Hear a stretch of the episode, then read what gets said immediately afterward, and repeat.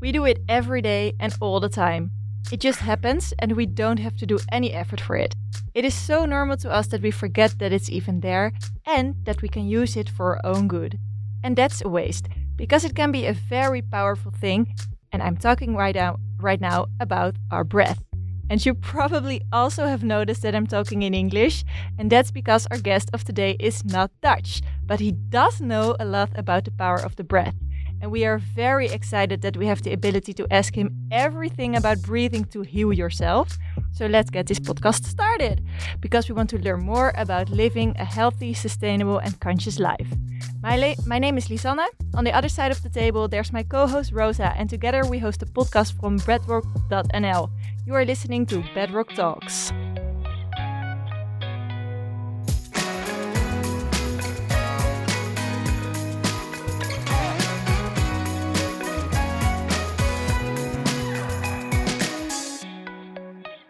Yes, welcome to our first podcast in English, which I love because I've got, got quite some international friends that are always curious about our podcast, Bedrock Talks. So, this podcast uh, episode we dedicate to the very interesting phenomenon of breathing and its healing powers. Therefore, we interview a real expert on the topic today. His name is Max Strom, an American breath working expert that's been working with breathing for more than 26 years. He even gave three TED Talks about breathing to heal. He's an author and global breathing teacher. Also, Max, you've been living in the Netherlands, we just um, spoke about, it, for quite some years, and actually met you uh, before on like a breathing event before here in Amsterdam. But what brought you to Holland? Well, I, have been teaching, and well, first of all, it's nice to see you again and to speak with you, and thank you for inviting me onto Bedrock. It's a, an honor to be on this podcast. Yes, welcome. So welcome. Thank you. Thank you. And I've been, as you know, teaching and speaking uh, at conferences, trainings, workshops, yoga studios around the world for a long time. And the more I traveled to Holland, the more I decided it would be a great place to live. And uh, it took me a little while. It took me about three years to make it happen. But finally, I moved to Utrecht about two years ago and I just love it here. What do you love about it? Oh, I could make a list. We could do a whole podcast. oh, Max loves Holland. Wow. Yes, I just think it's a friendlier society than America, tr- truly friendlier, uh, more relaxed, uh, more practical, uh, less vain, uh, more uh, humble, in, in, other words, and um, healthier overall society, uh, physically and emotionally and mentally. And uh, I love the way your government, although of course no government is perfect, we could criticize any government. I think it's much more of a functioning government than the U.S. has had in at least 20 or 30 years. Mm. And uh, I like the bicycle life. Uh, I like tall people. well, yeah, you're good. quite tall. How tall are you? uh, just under two meters. Yeah. Then you fit in yeah. perfectly. Yeah. Lisanne is also so. How tall are you? I'm one meter and 83 centimeters, yeah. which for a girl is quite tall. Yes. Beautiful. Yeah. I like it. Yeah. And so, and so I could just go on and on about why I like it here. I even like the weather here. So. Oh, oh. wow, you must really like Holland. nice. Case, well, we're very glad to have you in the show. Um, we always have a little kickoff. Uh, the kickoff the kickoff goes as well. Um, we ask you three questions, and you just answer them on your intuition. So don't think about them too long. And afterwards, we have a little bit of time to discuss. So there we go. First one is breathwork or therapy? Wow. Answer both. Breathwork or medicine? Depends. Breathwork or meditation? Breathwork first. Wow. and then I would say meditation second the first guest who didn't pick anything. Yeah. I didn't do it right at all. No. That's fine. It's because it's a little bit like saying, "What's the meaning of life?" Yes or no. You can't really answer that question. No, true. And to be honest, those those questions we just make up just as like an icebreaker. To be honest, so you said uh, breath work or therapy, and you said both. How come? Because breath work can lead you in and take off the armor that we wear and help you with your memory of things that you've forgotten or suppressed. But it's great to be with a, a very good therapist to help you uh, negotiate the healing of your psychology once you have have opened it. Not everyone needs a therapist, but I think uh, it's good if everyone, almost everyone, uses therapy from time to time. So, if I understand well, uh, breathwork could be the start of like a therapy. It's a way of opening up yes. yourself to like a further yes. process. Yes. That's very interesting. Would breathwork then be a therapy itself? It is, yes. I consider it a therapy. And I also am a big advocate of therapists, psychological therapists, to use breath work in their sessions. And this is starting to happen. Uh, there are many students I've had that are therapists that are now using my breath work for the first five minutes of their sessions to help access the emotions of their client. And then they talk. And this is, I think, the what do you call it? The holy grail. It's the perfect combination. Wow. We are going to go in depth to that later in the podcast. The second one was uh, breathwork or medicine. Your answer was it depends. Yes. So I think some people need medication for their emotions. Sometimes uh, there are some people that need it more than others. And it's good that we live in a time where we have medications for these things. But I don't know anyone who wants to live off of medication the rest of their life uh, so they don't go into depression or panic attacks. So I would say if you need it, uh, use it, but also learn to use breath work to help you. And in many cases, not all cases, but in many cases, people don't use the medicine anymore. After doing breath work properly. Yeah, that's, that's wow. right. So do you think breath work is for everyone? Yes, I do. Everyone. Wow. So curious. What are we're gonna hear more in the episode. Um, so then you said breath work or meditation. You said start with breath work and then later on you can meditate. Yes, it's meditation's a really funny one. When I was at the Inner Peace Conference a couple of years ago uh, speaking, I said, raise your hand if you think that meditation every day is a good idea. And everybody, there were 400 people there, everyone raised their hand. I said, okay, hands down. Now raise your hand if you meditate every day. And about two people raised their hand. Mm-hmm. And then there was a lot of laughing. And that's the challenge with meditation is we all know it's good for us. We all want to do it, but most people don't do it. And one of the reasons is that we're so stressed out that to sit down and just try to be quiet and still is just almost impossible. So we're kind of setting ourselves up to fail. So what I recommend is you do at least 15 minutes of breath work first, and this will calm you down. Then you can slip into your meditation much easier. So to me, the, the best friend to meditation is a breathing practice first. Because you think that doing breath work is uh, less of a hassle or less of a stressful, well, not stressful event, but it's easier to go and sit down for it than meditation? Yes, first the, the, the breath work makes you calm then you can go into the meditation without effort. Yeah. So your your mind won't like bother you that much anymore. Yes, yes, that's right. That's right. Nice. Well, that's that was the first mini quiz. That was our kickoff. yeah. yeah. So, um, Max, to continue with with uh, with the podcast, we are actually uh, a bit curious about how did you get familiar with with this this thing called breathing to heal yourself? When did you start to take this into practice and to make your job out of it, actually? So those are a little bit two questions. Yeah. One yeah. is how, how, did I first learn it? And then when did I start teaching it or yeah. why? Okay. So the first question was when I was 17, 18, I started practicing Qigong, the Chinese yoga, essentially, put simply. And so I learned breath work there and what it could do somewhat to the nervous system. And I say somewhat because I learned more later. Uh, once I started hatha yoga and did a stronger kind of breathing, I thought that it affected me psychologically much more. So let me give you an example. So I'm going to speak now as if you don't know anything. I know you do know a lot about breath, but I'm going to pretend you don't. So when I started practicing yoga six days a week when I was a brand new student, uh, I would notice that I always felt better, slept better, my body felt better. But when I started practicing with a teacher who emphasized the breath work, then a new thing happened. And at the end of my practice, when we all would lie down to rest, the end part, uh, I would always have some tears streaming down my face. And I didn't know why.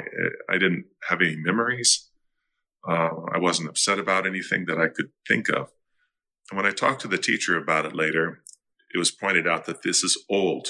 This is old grief, which is trapped in the body from suppression for my whole life. And it gradually starts to be released. So after the sessions of yoga with the breathing, I felt amazing and I felt light, more light-hearted. The stone in my chest was removed, so to speak. And my friends started to notice friends who didn't know that I was doing this practice started to notice I seemed happier. So I was really surprised that people could tell that I was changing. And it wasn't like it was changing me. It was more like it was liberating me. It was like coming out of prison. I'm the same person, but before I had this um, suit of armor on, like uh, the, the guys with the shields and the swords. And when you wear armor, it protects you, but it also separates you from someone you want to hug. It's not so nice to hug someone with armor. You can't really feel anything. And so after about a year, I felt like a different person in some ways and, and all for the better. So when I started teaching, I instantly became known as the teacher who emphasized breathing. Everybody knew if you came to my class, my yoga classes, you were going to breathe and there was no there was no choice that's that was the center piece of my work because i saw do exactly the same thing for anybody who gave it any effort time after time and then over the years it became more and more of my expertise hey and for listeners who are now thinking hey breath work we're breathing right we're alive what's the, drift, the difference between like breathing to stay alive and breath work the type of breathing you're talking about that's a really good question. And people forget to ask that sometimes because it's the most obvious question. I'm breathing now. It's not changing my life. so what is this about? But we're talking about breath work, not survival breathing. Just like if uh, right now, as I speak, I'm moving my hands around a little bit, but I wouldn't call that exercise. So I could say, well, I'm moving now. How come I'm not getting big muscles? You have to do arm exercises in a specific way, a specific amount of time, and every day, and then your arms change. With breathing, it's similar. If you breathe a certain way and for a certain length of time, for example, let me give you an example. Inhale to the count of four, exhale to the count of seven or eight. Then you will feel something right now. And uh, you'll see what I mean. And I don't even have to explain it. So it's, uh, breathing patterns, not just breathing. And what could um like this kind of breath work in the end of the day, on the long term maybe, do to our bodies or our minds? Uh, a lot. Uh, the body, first, the body. The body needs oxygen, obviously. And so, if you can increase its uh, ability, its efficiency of bringing in oxygen and taking out carbon dioxide, CO2, your internal organs, your brain, your muscles function at a higher level. So, breathing patterns, of course, make your metabolism work better. But even perhaps more importantly, it helps your nervous system function better. So, we're, as you know, we live in a stressful world, even before COVID. And anxiety has been going up and up and up, even before COVID and so we need practices to calm us down to, to normal, back to zero. And, uh, breathing patterns can do that. And when your nervous system is happy, when it's equanimous, then your sleep is better. Then your digestive system is better. And as we all know, those are the two key things for health and living to be an old person who can take care of themselves. Exactly. So it's it's actually it's it's about the patterns. Breath work yes. is about those patterns. So, um, in the Netherlands, but actually everywhere on the world, probably um, everybody knows uh, Wim Hof, uh, also known as the Iceman. Mhm. Um, and I was wondering, is what what he doing? What he is doing is this is this uh, um, the same as what you are doing? Are you you guys practicing the same breath work, or is there a difference? I, uh, I haven't taken any of his courses. I've looked at some of his work on YouTube, and and first of all, I'm grateful to Wim Hof for uh, exposing a lot of people to breath work, and also the scientists who have studied breath work through him uh, is is a big step, a, a big progress, and I thank him for that. As far as our tex- techniques go, I think there are two or three techniques which are similar and then the others are are somewhat different. And I think our intention, our approach is mainly different. So um, I cannot speak for his true intention for what he's doing, but I'll speak for my own, which is I want to help heal people psychologically, emotionally. Uh, a lot of people say uh, we have mental health issues now, uh, but I don't like to call them mental health. I think it's emotional health. Uh, anxiety, depression, rage, uh, burnout. These are emotional issues, and they usually have a very simple cause. And unfortunately, a lot of people believe that once they have depression or anxiety, you just have to live that way the rest of your life. It's just part of your life, like a virus, like getting herpes. They think, oh, I have it now. I can never get rid of it. I just have to cope with it. And I can tell you that that's absolutely not true because I've worked with tens of thousands of people and they used to have anxiety as a problem and they don't now. I mean, everybody has some sometimes, especially in a crisis. But I know, for example, people who have, here's a great example a, a woman who would have several panic attacks a day, every day.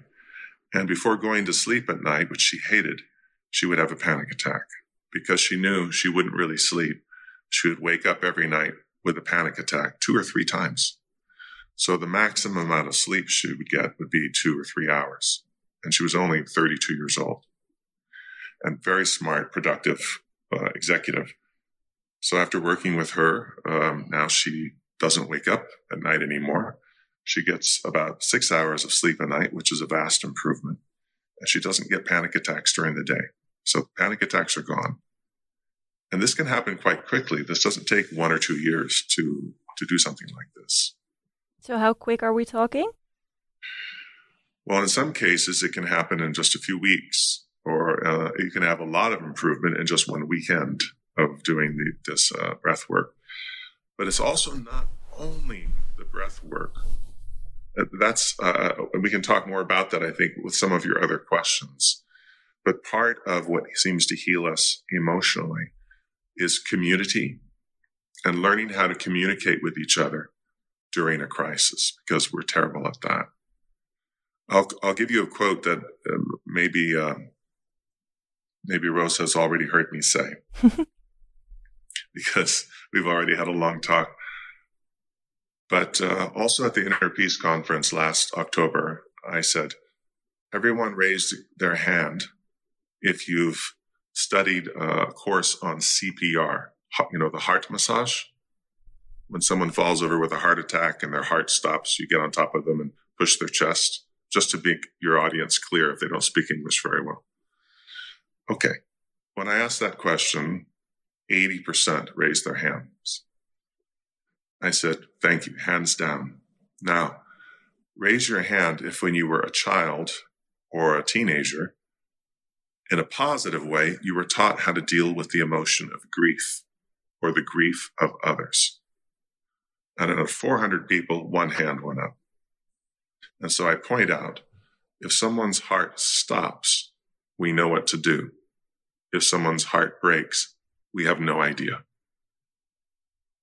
I have goosebumps.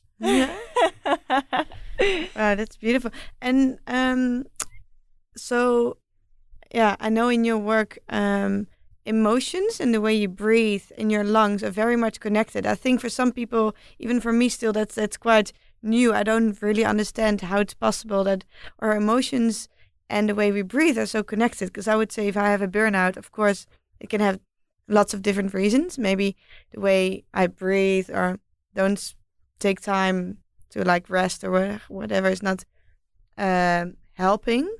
But aren't we also looking at lots of different factors that are involved and aspects? Well, I get asked this question a lot of how are our emotions and our breath connected?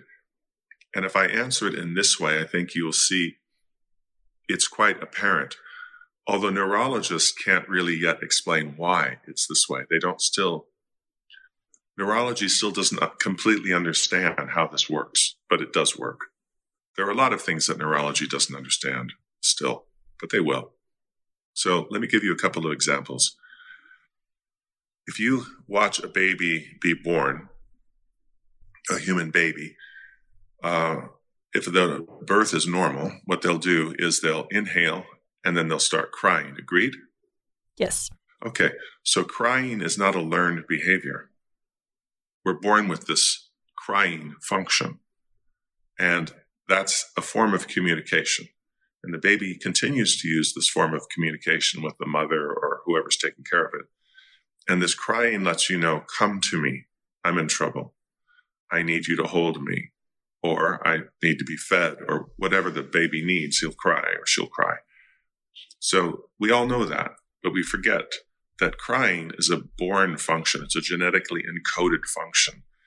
And communicating with air through our voice is something we start doing right away. After the crying comes the sounds and then the words and then the squealing and screaming and whining and shrieking and laughing.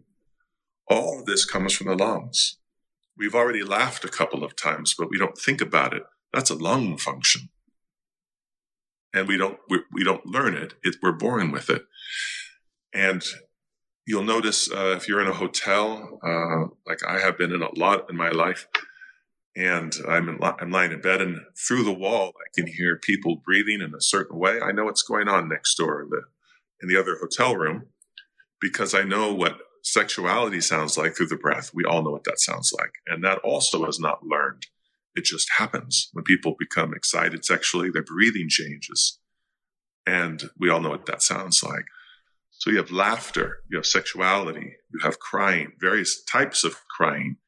You have shouting, go to a soccer match, or excuse me, I'm in Holland, football match. And uh, you'll hear a lot of ex- emotional expression through the voice. So this is part of being a human being.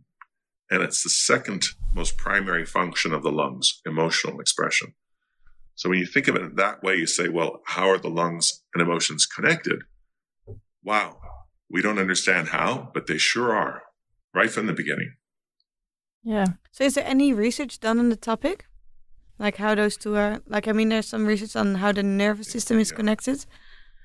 Yes, there's a, a, study that came out a couple of years ago. Uh, some American neurologists they think they found the area of the brain where it happens, but they don't understand how it happens mm. yet. Or it's still a mystery.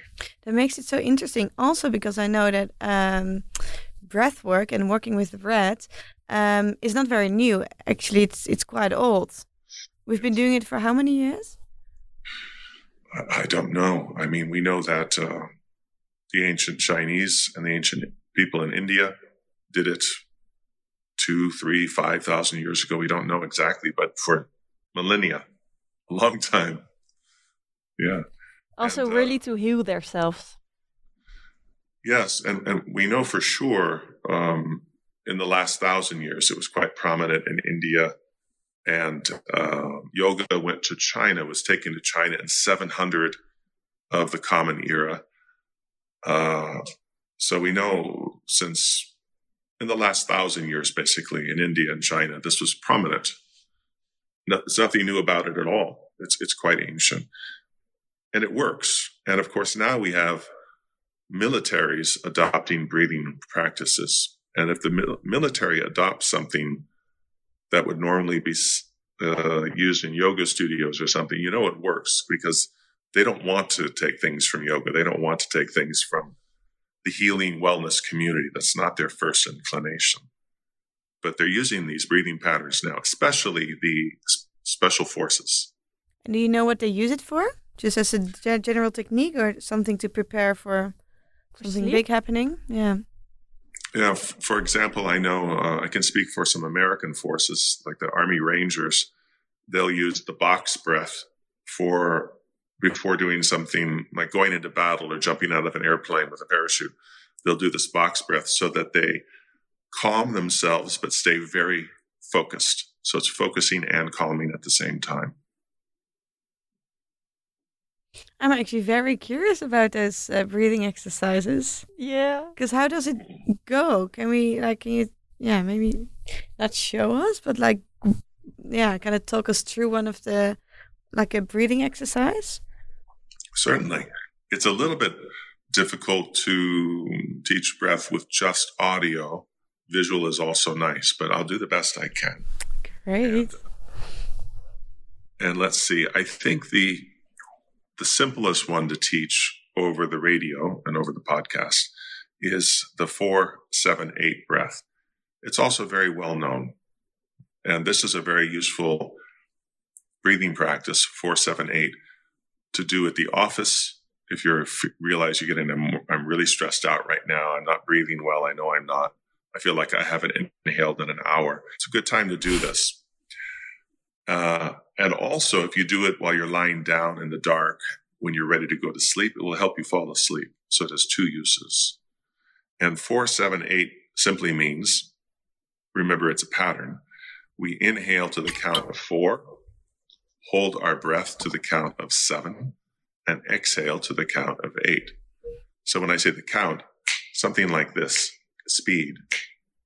Can you hear that clicking? Yeah. Yes. So this is a good speed. And you should not do this if you're driving your car listening to this. You should do this when you're in a chair or lying down. It's best.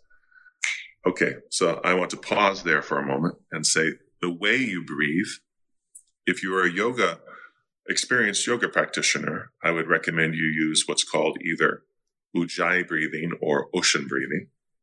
And that sounds like this.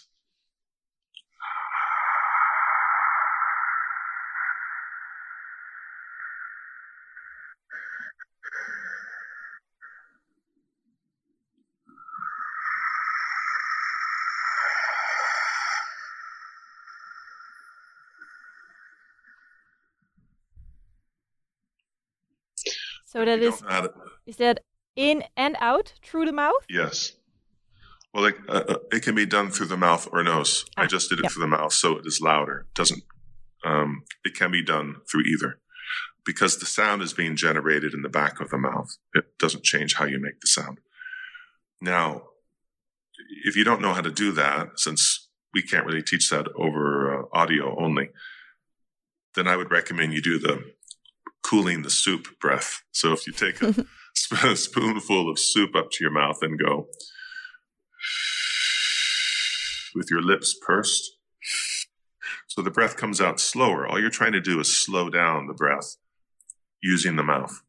So you sip, sip it in like you're um, sipping soup and blow the soup a little cooler. Should turn my mouth away from the microphones or it's going to sound like the wind. Yeah. so how many times do you do this to like notice something beneficial of it? This exercise? Mm-hmm. Oh, I think uh, even if we just do it for one or two minutes, you'll feel something. Wow. Yeah, that's the great thing about breath work is you'll feel the results right away. I mean, not ultimate results, but you'll feel better right away. Not someday, right away. And uh, when we are talking about ultimate um, results, Hmm. is is this something you should do for like an hour per day or maybe a couple of days? I have a sequence of breathing patterns called uh, Inner Axis 30. That's 30 minutes. And so that's what I recommend people do 30 minutes of this breathing a day. And if you don't have time, instead of not doing it, just do 15 minutes or 10 minutes, but do it every day. And you'll feel different. You'll feel very different within a week. You'll, you'll, you'll understand without explanation why we do this. You want to try the exercise now? Yes. Let's go for it. I'm ready. Okay. Both feet on the ground.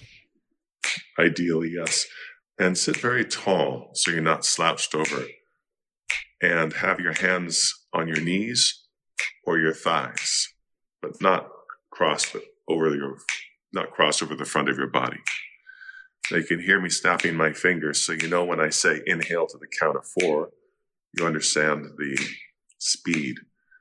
Remember, we're going to inhale four, hold our breath for seven, and exhale eight, and then repeat. Remember to do ocean breathing or the soup breathing. I just called it that for the first time today. I think I'm going to use I love it. so I'll just count. First, quickly exhale. to the count of four, inhale. One, two, three, four. Hold your breath. One, two, three, four, five, six. Now slowly exhale. One, two, three, four, five, six, seven, eight. Inhale four. One, two, big chest. Three, four, pause. Hold your breath. Four, five, six, seven. Exhale. One, two, three, four, five, six, seven, eight. Deep breath. Four, one, two, deeper. Four. Hold your breath and relax your shoulders. Three, four. Relax your face. Six, seven. Exhale. One, two. Keep sitting up straight. Four, five, six, seven, eight. Inhale four. One, two, three, four. Pause. One, two, three, four, five, six, seven. And exhale slow. One, two, three, four, five, six, seven, eight. One more time. In. One, two, deeper. Three, four. Hold your breath and relax your face. Two, three, four, five, six, seven. Exhale. One, two, three, four, five, six, seven, eight, and breathe as you like. Relax. so that was one and a half minutes. Wow. L- it went by quick. Lisa, how do you feel? Um, well, l- lightheaded maybe a bit, and the light is like bright right now. Yeah. but Our um, Portugal studio is uh, it's like TL. Uh, yeah. and you? Um, same. Like it takes me a little bit of time to get back here. I notice, but I feel also um, like quite in the moment, if you know what I mean. Like not so much of um, like blur around me anymore. And it, it's then it's like when you're breathing, you're like, and then it's like that's it, and you're like, oh, oh, I have to get out now. But it, it was so nice breathing. It was nice. But what what I notice when I when I do this, and I I I did um I do these things quite often. Um, also before I go into a yoga practice, and then I notice, and you said a couple of times like relax your shoulders and relax your face, but I notice that I go like Like you, cramping a bit, like and you keep also a lot of tension in your body. you yeah yeah While breathing. is is that like that's probably not uh, the way you should do it? I assume. No, we want to keep uh, the shoulders down, the face relaxed, and just move the breathing apparatus, the chest and the upper belly. And um, we can talk more about the the belly and the chest and the nose and the mouth later if you like, because there are more details about that. So now we did um like an interesting exercise that we could do every day. Mm. If we I, I recommend doing that one if you have trouble sleeping before going to sleep. It will help you fall to sleep. that's One so of the things that happens when you hold your breath for a short time like this, it's, it lowers your heart rate. Your heart will start to beat a little bit slower. So if it's elevated because of stress, it'll start to slow down. You do it over and over for two minutes or so, and you start to drop off to sleep. I could use this. and then if we will do this for uh, quite some minutes or 30 minutes every day, what are the possible uh, physical and mental benefits we could notice? Well, really important benefits are that you may notice that you don't feel anxious anymore. You, and certainly you won't have panic attacks anymore. That, that's a horrible way to live with panic attacks as a regular thing. Uh, you'll become a calmer person. And when you become calmer, it affects all of your relationships, doesn't it? Yes, definitely. yes. So it, it changes our life in that way because we become less reactive to other people. We, we're less likely to get angry or less likely to become depressed so easily. Um, we have um, we are emotionally healthier, essentially. So, um, are panic attacks being caused by a wrong way of breathing? Well, no, no, not so much. Panic attacks are a very interesting phenomenon, and panic attacks are usually uh, the act of trying to push down feelings that you're having. Uh, often it comes from post traumatic stress, from something that happened in your past. And so when uh, it gets triggered by something that's happening now, you start to feel threatened, or you haven't been breathing well. You feel like you're suffocating a little bit because you've been stressed. And so your breath has been bad and you're slouched over your, your cell phone uh, with bad uh, posture, which makes you breathe worse, shallow, shallow breaths and then it starts to get triggered. And this is going to sound strange, but if people would allow themselves to cry, they wouldn't have a panic attack. So if you notice, if you've ever seen someone have a panic attack, or maybe one of you has had one before, people don't cry when they're having panic attacks. They might cry later, but not during. It's the opposite of crying. It's taking your emotions and shoving them down in your chest and not allowing yourself to have them. And, and the panic attack, isn't it interesting? Makes us breathe strangely, very fast and very, uh, much like we're dying, like we're, we're having a heart attack. So there's another example. We, we didn't learn that, but panic attacks are also connected to the breath. So I teach my students, I said, next time you're starting to have a panic attack, it's because something's going wrong around you relationship or a situation, let try to make yourself cry. Just start crying, and you'll notice the panic attack just goes away. And people say, "Well, what if I'm around other people?" I say, "Well, you can have a panic attack around other people. You're going to be embarrassed either way. So, which would you rather have? Uh, and just slip into another room or the bathroom or something and have it there, but cry there. But if you allow yourself to have your emotions, the panic attacks start to go away It's very interesting how you talk about um like uh, your emotions being connected with the breath because I remember when I did one of your exercises in the like the event we were at um, I think I cried after one of your exercises. It's very interesting what the breath can do to your emotions because I also know people that burst out of laughing after an exercises, mm-hmm. uh, like like after one of the exercises. But also, yeah, it can bring in like a lot of different kinds of emotions. It's very interesting. Yes. Yes, and, and remember that the breath never makes you cry or laugh. Um, but particularly with crying, the crying is in there now. It just has to be expressed. It allows you to express it. If there's if there's no grief in you, you won't cry after you do the breathing. It's mm. only if you have something to cry about. It opens the door. It opens the emotions. Yes. So which need to be because we, we spend our lifetime pushing them down.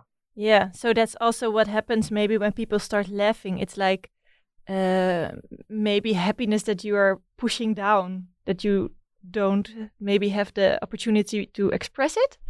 That's also why people laugh.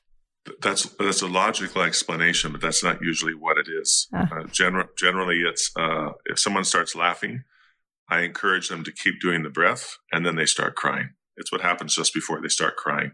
Wow. They'll either start laughing or they'll start coughing as they release their emotions. That's interesting. How you how you like express express maybe the the wrong emotion before you. Yes. The, so the laughing is also maybe something to to put still push it back. That's exactly right, and we do do that a lot. And why do you think we dis- disassociate ourselves so much from our emotions?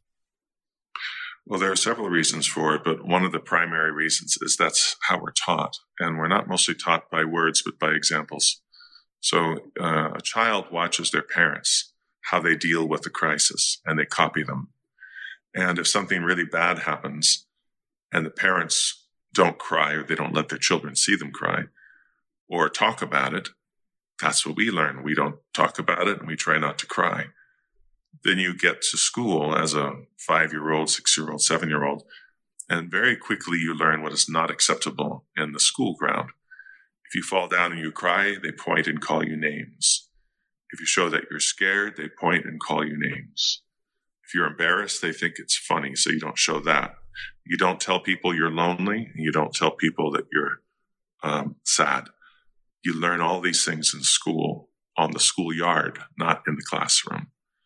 And and our parents often don't um, have any training themselves, so it just stays that way. It's very sad. And I have a friend who's about my age, and he was 60, 60 years old when he told me this story. He said, uh, and I'm 64. So he said, You know, Max, I never told you this, but I used to have a sister. When I was nine years old, she was 12, and she died. And I loved her more than anyone in the world. And tears came to his eyes as he told me this. And he said, After the funeral, my parents took us aside and said, We will never speak of this again. And when you're taught these things, or if you do cry, they say, That's enough, or big boys don't cry, or settle down, you're taught that this is not welcome. And I think it's I think it's incredibly tragic because if you go into the military, uh, they have a policy nobody left behind. And if you're on a battlefield and somebody is hurt, shot, or whatever, they will do everything they can to come for you and protect you and pick you up and carry you and be at your side as you heal. But in civilian life, we don't do that. If someone is in trouble emotionally, I'm not talking about getting shot. We know what to do if someone gets shot. But if emotionally they hit their knees because of a divorce or something happens to their child, we tend to leave them alone as opposed to go to them and support them in this way. And it's not natural. We're tribal animals by nature. We're tribal and we need our tribe around us when there's a tragedy. Do you think if we would be more in touch with our emotions and maybe we're taught in school how to like welcome in, in emotions better, also like darker emotions, do you think we would yes. we might not need um, we might not need a uh, breath work at all? Or do you think it's always good? Yes. Yes, in, in, a utop- in, a utopia, we would not need breath. Okay. but it's also very nice for like, um, it can also just be very relaxing, right? Yes, and we always develop stress during the day. Um, we're taught we, we have to do something. We we don't have enough time. We start getting stressed, and so it's good to have a few habits and a few practices you can do when you feel that way. You calm right back down. It's easy. That's the thing about it. It's so easy. Yeah. So the the four seven eight um, box is is a very useful one. But do you have more of those boxes you could do? Uh, yes, yes. You want to do another one? Oh, well, you can also just explain it. Oh, okay.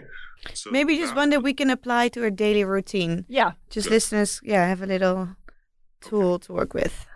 Okay. So the one that you just did was that was not the box breath. That was the four, seven, eight breath. Yeah. That's the one to do if you need to uh, suddenly relax in the office or you want to help yourself fall to sleep. Now, one that you can do while you're working, while you're doing something um, like surgery. I told the surgeon he could do this while he does surgery, for example, or a pilot flying a plane, or doing the dishes, or typing something, is the 417 breath. That means, again, you inhale to the count of four, you pause for a moment, then you have a longer exhale, seven. When we have longer exhales, it triggers the relaxation response in the body. So it helps us to um, not get more and more and more stressed where it runs away, but just keeps us where we are, maybe relaxes us a little more. And that again is using the uh, ocean breathing or the sipping the soup, blowing the, the soup cooler uh, with the lips. You can use either technique. And so now we've been mostly talking about like actually doing breath work. So this is you probably do guided or you do somewhere. Um, is there also? Yes. Sorry, I almost forgot tell you. Um, for those of of your um, members who listen who like app, I have an app. It's called Strategic Breathing that has these exercises on them. Ah, perfect. Strate- It's good to have in your pocket. Strategic breathing, yes. Perfect. We'll uh, can put it in our podcast notes. Yes. Um, so yeah, so now we're mainly talking about um, actual doing breath work, like doing it in a workshop or doing it guided, maybe with an app. Is there also something wrong or something we could do better in our daily way of breathing? Me, for example, I breathe quite fast. I've been going to speech therapists for many years. Um, it's getting better, but still, yeah, I think there's lots of people, especially that live in like the society, work a lot, have a busy life. They might be breathing a bit faster than they should. Mm. Is there a little trick or daily just tip or tool for it just to calm yourself down and pay attention to your breath a bit more? Yes. So I'll give you a, a tip now. So if you would sit up very straight again, like you did when we were doing the breathing exercise, and put your hands, palms of your hands, on your side ribs, not the front of your ribs, but your side ribs, right, right about the same height as a bra strap. Yes. Now your hands are there just as sensors to feel your chest, the lower chest, not the upper chest, but the lower chest. That's perfect. Now do the deep breathing again. And when you inhale, make your chest expand out to the sides like an accordion. And then when you exhale, grow taller and you'll feel your hands move toward each other as the chest contracts. Inhale, expand out to the sides like an accordion, as deep as you can. Then you pause a moment. Then you exhale, sit very tall. In other words, you don't fall forward when you exhale until you're empty. And do this at your own speed that makes you comfortable. You might want to do it faster than I'm saying or slower. You'll notice when you do this, you're breathing completely full now. Your lungs fill up completely. And when you breathe deeper, you will breathe slower. You don't need to breathe fast. You also want to start to pull the breath into the lower lungs, which is what we just did. So the lower lungs need to be filled instead of just the upper lungs, which are quite small. So, and our our daily breathing, um, and when we do that wrong, so for example, breathe too quickly, um, can this affect our health as well? Yes, absolutely. Anything that uh, makes you more stressed affects your health, affects your sleep, affects your digestion, and affects your emotions. And is there also a difference in breathing via the mouth, uh, mouth or nose? Well, there's a big controversy about this now, which I think is ridiculous. Uh, but my answer to that is it depends on what you want to do. And uh, so, like a lot of things, it's not a binary yes or no answer. It's, it depends on what you want to do, and then it's a yes or no. So, for example, if your listener right now is just sitting in a comfortable chair drinking a cup of tea, um, they should be breathing through the nose as long as it's not, they don't have a cold or something like that. So I say nose breathing for most activities. But once you run, and I don't mean jog, but run, you're going to have to open your mouth at some point. If you walk up a steep hill, I know there are no hills here in Netherlands, but if you go on vacation in uh-uh. Portugal and you climb a hill, at some point you're going to put your hands on your hips and you're going to go, wow, I haven't walked up a hill in a long time. Hmm. Oh, I can't really talk right now. Now we're breathing through the mouth. Watch any Olympic sprinter and they'll open their mouth while they run. Watch the people playing football. They open their mouth once they get tired because you get more air in and out faster. And you'll also notice that we don't have to move the chest at all. You can just now, when you're sitting in your chair, just move your belly. It's called passive breathing. And it's a good form of breathing when you're passive. But again, if you want to walk up a steep hill or sprint, run really fast, you'll notice the chest starts to move out and in. The, the lungs actually cannot fill all the way unless you expand the ribs, like I had you do just a moment ago. Then the lungs will fill 100%. And lastly, to release the emotions, I strongly uh, recommend that people move the, the chest. Again, the hands are on the lower ribs, not the upper ribs, side ribs, not front ribs. And this will make your diaphragm muscle move the most. Your lungs will fill and will help you to have an emotional release. When you breathe shallowly, you probably will not have an emotional release. But uh, Rosa men- mentioned earlier that she did. And that's because I had her breathe very deeply and slowly in this manner. Isn't it um, so interesting how we somehow just lost touch of like the way we breathe? Because I was talking um, about this topic before with Lisanne, and we were just like, do you always have the same thing when you're in a yoga class or any sports class, mainly yoga class? Um, the teacher kind of like help like guides you through the sessions, and she sometimes says, or he like okay inhale with this uh, pose and exhale with that pose i always do it the other way around and i get so stressed i'm like fuck mess it up again like oh it's so actually it, it's also maybe the more you think about it the more complex yes. it gets but yes. for me sometimes breathing normally especially during exercise it just doesn't come naturally no yes. and maybe also because you focus too much on it that it goes wrong. Or I forget sometimes, like like a sport teacher is like, Rosa, breathe. And I'm like, totally red. And I'm like, oh yeah, shit. I have the same thing. I always, like, it's so strange. Like, how, yeah, I just cannot get my head around, like, how it's something that should be so familiar for us is something um so not in a way. But it's also true of stretching, isn't it? Before yoga became popular in, in Netherlands, uh, people didn't do it much. You watch people go running, they finish and they stretch for 20 seconds and they go inside. There's really no stretching in our culture. And now all the people, the millions of people who practice yoga are stretching a lot and they, they see the benefits. And you think, why didn't our parents know this? Why didn't our grandparents know this? So we're learning a lot of things that have been lost or forgotten through the years. And also, quite honestly, that um, we didn't have time to do in the old world when nobody had enough to eat and everybody was farmers, you know. And the, the education was so, most people didn't even have an education in those yeah, days. We, we just didn't even farm. have the, the knowledge to, no. to know about this. That's right. Yeah, exactly. They just they just had beer and church. That's it. That's how you can be quite nice, problems. I think. yeah, sometimes a good beer is good. But uh, that's how he dealt with our physical pain. There was no massage. There was no manipulation of the muscles. There was no physiotherapy.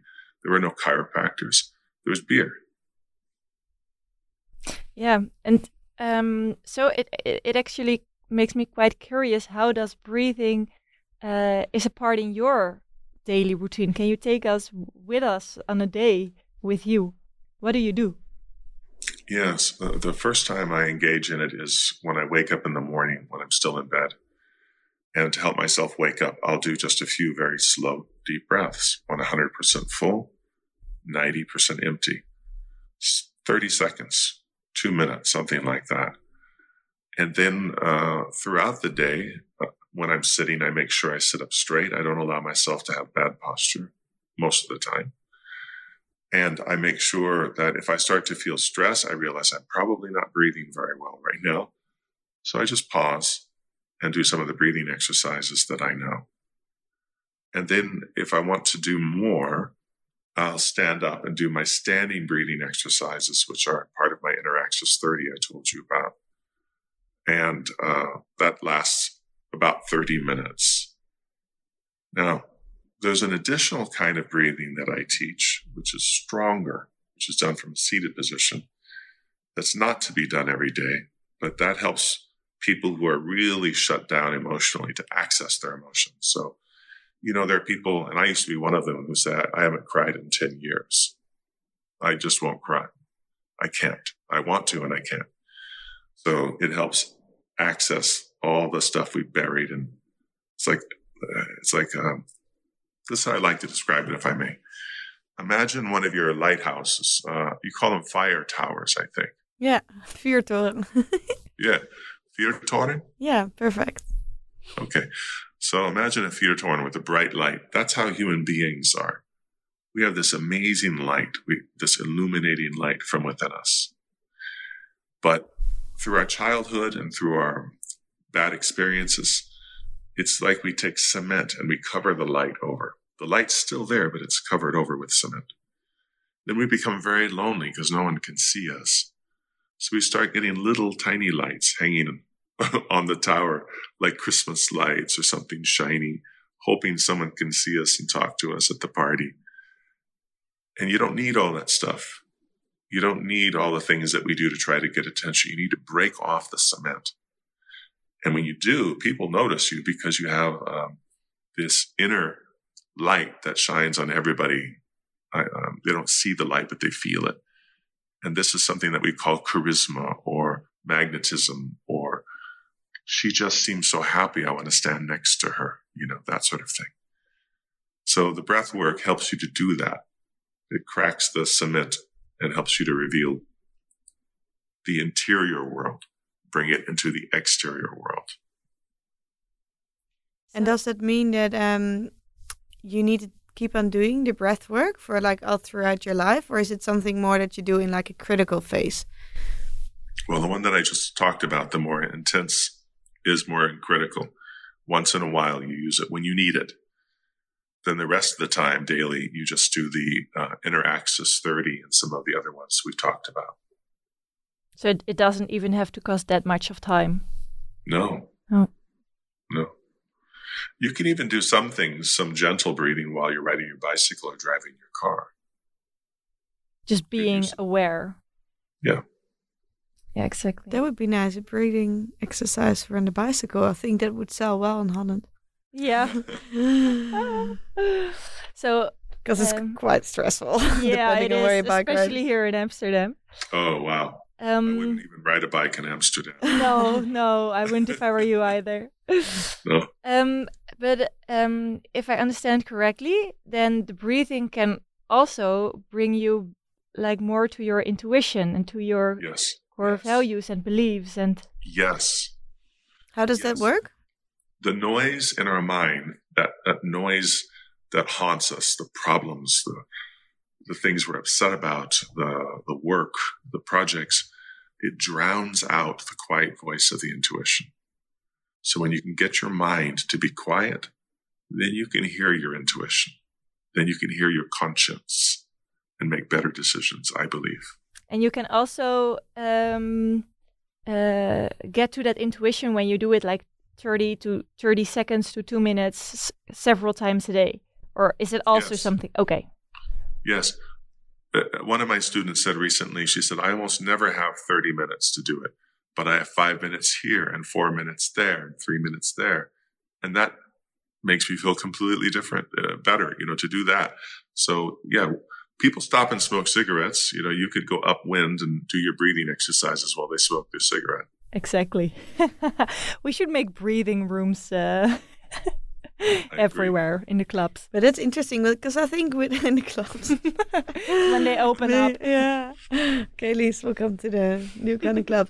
Um, so uh, Lisanne just asked like um, breath breath work can help you access your intuition a bit better. Is it the way uh, meditation can do as well? Because you just calm down the mind and then yes. Yes. So meditation can calm the mind. Breath work can calm the mind. They're both tools to calm the mind. And then when the mind is calm, you hear your intuition. exactly Yes, I agree with. so it's like use what works for you if it's meditation that's fine if it's breathing that's fine if it's both it's fine How, however, I, I I do tell people who are dedicated meditators, I say, I also teach meditation. I advocate you do meditation, but I also advocate you do breath work because you might notice that a lot of people who meditate every day have not changed psychologically at all. So we don't just want to become calmer people. We want to heal the parts of us that have been damaged. So, for example, I met a man who belonged to a meditation group. Every day he'd get up very early in the morning, drive to his group, and they'd meditate two hours before work. Extremely dedicated. But he was still very judgmental of other people, especially people who didn't meditate two hours a day. They talked about them, the rest of us, like we were subhuman. And I said, I think you should do it for three hours every day. And he said, Why? I said, Because two hours is clearly not working. You're, st- you're still, you're still basically, you be, you're behaving like a jerk right now, you know. And so, what's the point? So, psycho, we need to change psychologically. People who are involved in the spiritual world need to understand. We also need to heal and improve psychologically. Otherwise, we carry the same problems with us that we had before. That's why there are so many scandals in the spiritual world, in the yoga world. Yeah, you think so? It has to do with uh, yeah. Yes, that the, that they can meditate, they can do great yoga practice, but they still have uh, unfinished business, unhealed uh, neuroses, for example, um, or compulsions, or self-destructive tendencies, or narcissistic tendencies. We need to heal those things, and we can. So, what did breathwork change in your life personally? Well, originally, as I as I told you my story, it started to help me sleep better. First night, it made me sleep better, and I became calmer. And then, as it's helped take the cement off my chest, uh, I I appeared to my friends to be happier, and I think I was much happy, happier person, easier to be around. And I can access tears quite easily because there was a 10 year period where I showed no tears. Now I can watch a movie, I'll be the first one to have tears in my eyes. Mm-hmm. So I now have access to my emotions. They're not being shoved down anymore. Now, I'm not saying that everybody should walk around crying at all times at, the, at a moment's notice. There are many times when we need to suppress our emotions, for sure. But when you don't need to, then you should have them. It's part of being a human being. Yeah, it sounds quite familiar because um, uh, after I did a yoga session and when I was able to go to the yoga schools, um, it even helped me more. But when I do yoga on a day, I sleep better that night after I did a, a yes. session. Yes. So that probably is via the breathing and the relaxation. It. Yes, and stretching. Stretching the muscles uh, triggers the relaxation response also. I'll keep doing that. Good. do you cry a bit, Lisan? Uh, yeah, yeah, I can cry when uh, I see something sad happens on television or, yeah. But I'm not like the most uh, cry. I'm not like people don't say like, oh yeah, you cry all the time with movies. I'm not that person. Oh, yeah. And you? Um, I don't think I cry a lot in personal situations. Um, sometimes when I feel like super super sad, I cry, but not a yeah, not extremely uh, much. Is that then a good or a bad thing, or like it's not? You can't say it like that, Max. No, it's it's neither good nor bad. I wouldn't put it that way, but uh, it, I think it is mm, a problem if someone cannot cry or hasn't cried in years. I think they're shut down, and you can't really just shut down some emotions. You're kind of shutting down all of them. That's why you I'll bet you know somebody, maybe one of your parents, who really loves you, and you know they do, but they never say it. And they don't say they're proud of you, and they don't say, I'm sorry. All those things, notice all three of those things.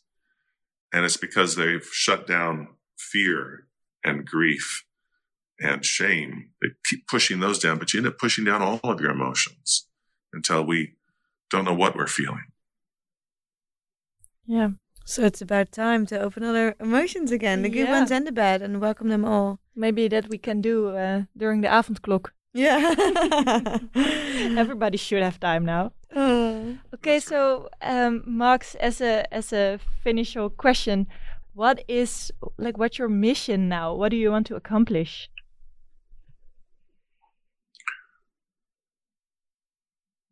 There are many good breathing teachers out there. There are many teachers who teach about connection and intimacy. There are some good teachers who teach about anxiety. My mission or my teaching is that they're all the same subject, and I teach them all in one uh, workshop or one conference or one retreat. They aren't separate. Uh, once we learn to breathe, we start to heal emotionally. The anxiety starts to leave us, and we learn how to connect with people again. When we connect with people, we feel safe and seen and that we matter. And when we feel those things, the anxiety goes away even more. And so all of these things are connected. Soldiers, for example, who come back from war in the United States, who come back from Afghanistan or Iraq, they often have post traumatic stress really bad. They'll have nightmares. Um, they'll they'll jump if there's any sound. They'll be very depressed, maybe even suicidal. So some of them sign up to go back in the military. This makes no sense. They go back with the condition that they go back to their same unit, the same group of men, because they feel safer there. Because when they're with them, they know all of these people would protect me. They would risk their life to protect me, and their symptoms go away. So when we have a sense of safety in a community, not just physical safety, but emotional, we tend not to have anxiety. And so it's all connected. It's one subject. It's very fascinating. And so um, it's my mission to spread the word on this as much as possible. Beautiful. And we're very happy to help with that. Yes. Thank you so much, Max. Thank you for giving an insight in the world of breath work. I think it shows us how much we're able to hear ourselves and that healing work might be also a little closer to us than we might think. So if our listeners want to and followers uh, have more questions uh, for you or they want to find you, how can they reach you? Well, thank you. I have a website, of course. It's maxstrom.com. You can also find me on YouTube. I have lots of things available for free on YouTube.